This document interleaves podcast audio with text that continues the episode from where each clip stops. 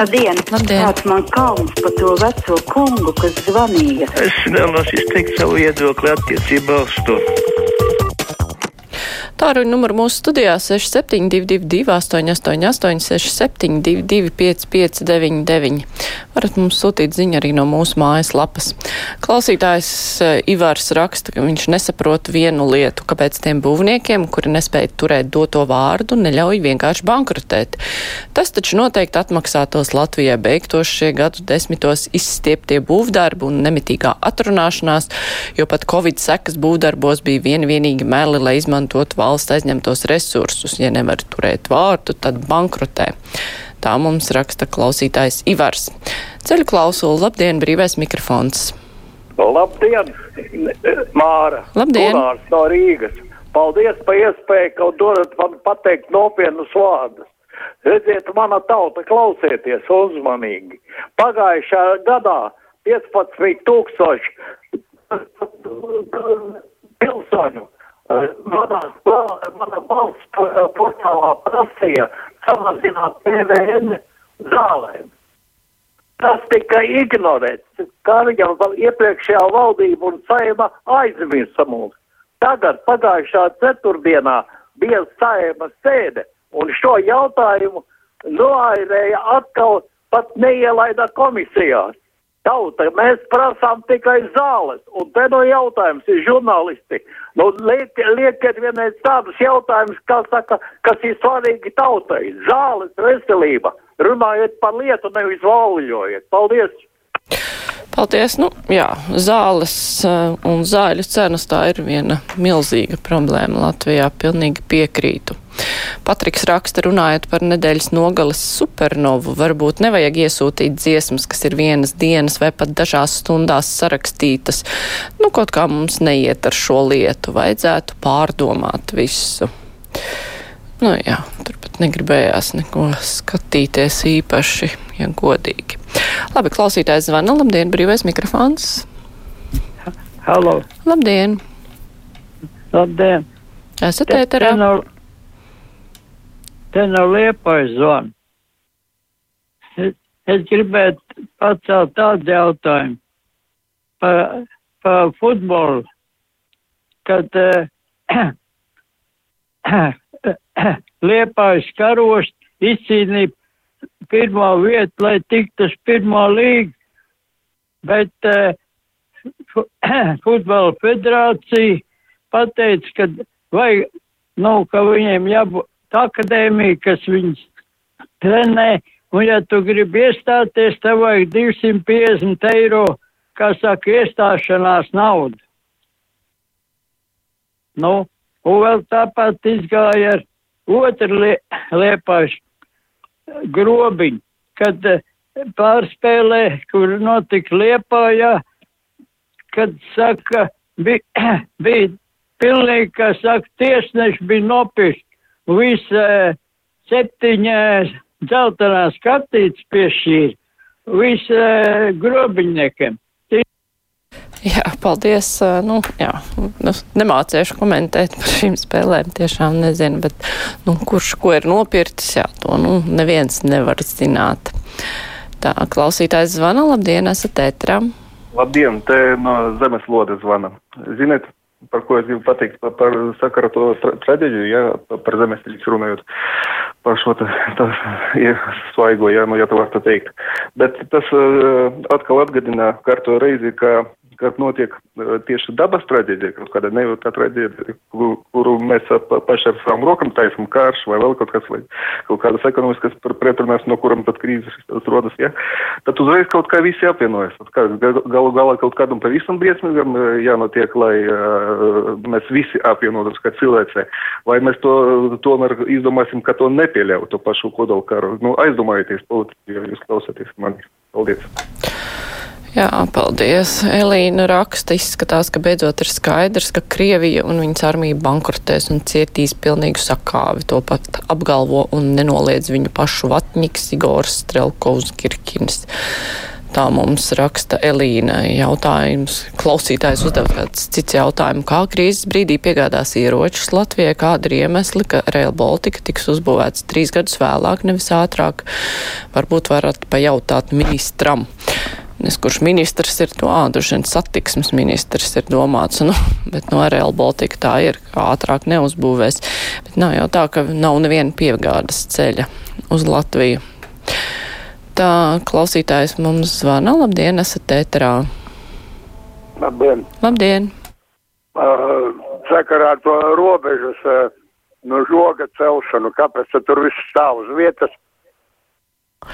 Nu, jā, labs jautājums, kāpēc viss stāv uz vietas un arvien parādās jauni pārkāpumi saistībā ar tām piegādēm. Klausītāja Anna raksta, piekdien uzjautrināja dāmīti no Jelgavas, kas regulāri zvana un pamāca gan politiķus, gan virsniekus, kā karot, bet pat izrādās nezina elementāru lietu, ka no 1. janvāra palielinājušies vēstuļu tarifu, par ko jau no rudens visi skandināja. Laikam ne radio ziņas klausās, ne TV skatās. Nu, gan jau, ka viņi zināja par tarifiem, bet viņi tās savas markas gribēja izmantot. Labi, klausītājs zvana. Labdien, esat ēterā. Halo, labdien! Jā, Aivars zvana.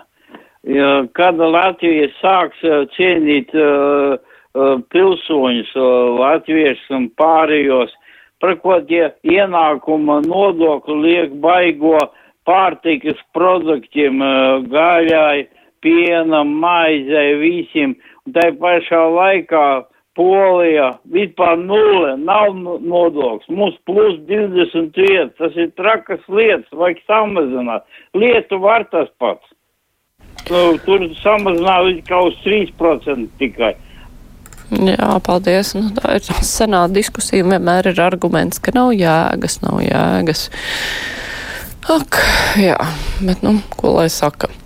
Viesturs raksta, labdien, nesaprotu, kad beigsies Latvijā padomju laika domāšana. Tās bija tā, ja strādā rūpnīcā, vajag vai nevajag kaut kas jānozog, jāatnes mājās. Tagad tas pats, ja valsts pasūtījums, tā tad vajag nozagt, sadārdzināt kaut ko vajag, bet piesavināties. Un vispār es domāju, ja ir valsts vai pašvaldības pasūtījums un pieķer pie krāpšanas, tad jābūt cietumam automātiski. Latvijas lauc kā govi pietiek dzelontrātis žogus un pat sadārdzinājumu ceļu būvē pat nerunājot. Miljons piemēru var nosaukt. Tā viesturs raksta. Ceļu klausulu, labdien, esat ēterā? Labdien! Labdien! Es gribēju tādu jautājumu runāt.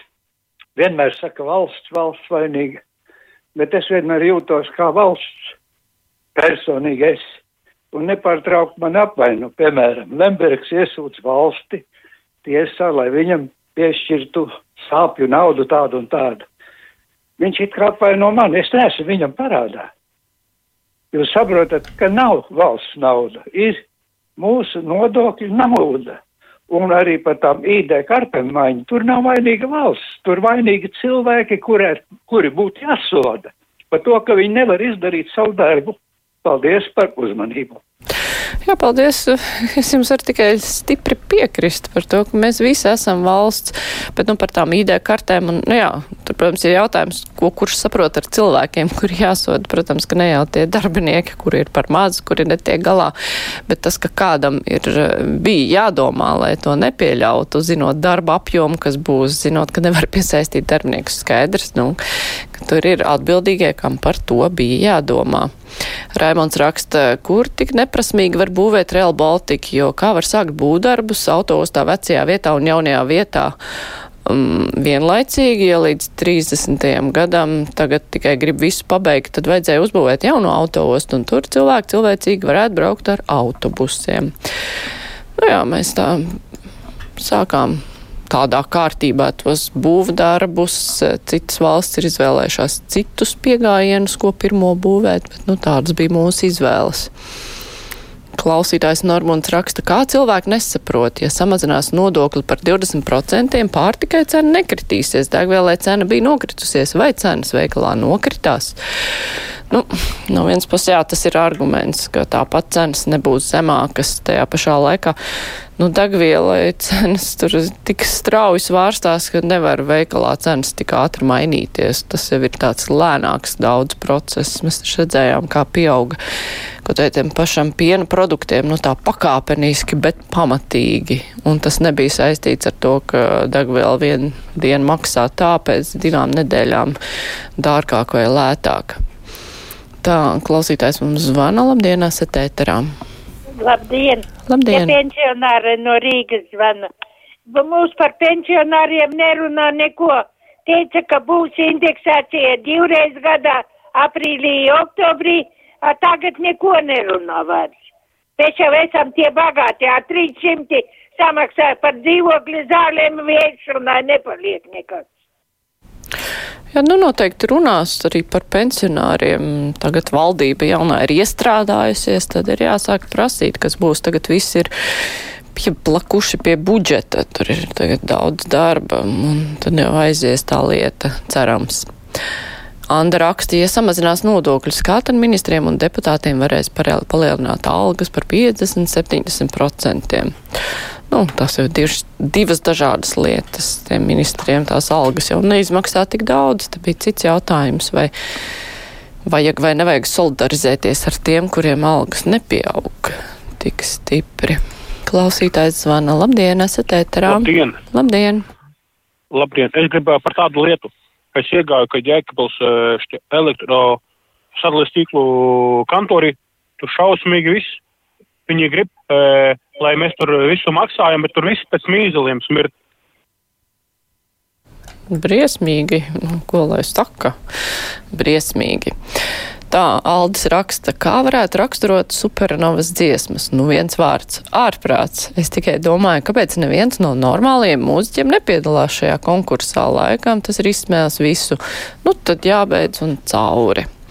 Savukārt tagad raksta skaidri redzams, ka Latvijas popmūzikas pirmajam ešalonam par supernovu nav pat minimālas intereses. Tiemēr brīna, tiešām brīnos, kā LTV ēterā vispār var parādīties kaut kas tik totāli viduvējs. Atgādināja vidusskolas žetonu vakar, tur visi droši vien kopā papriecātos par tādiem priekšnesumiem.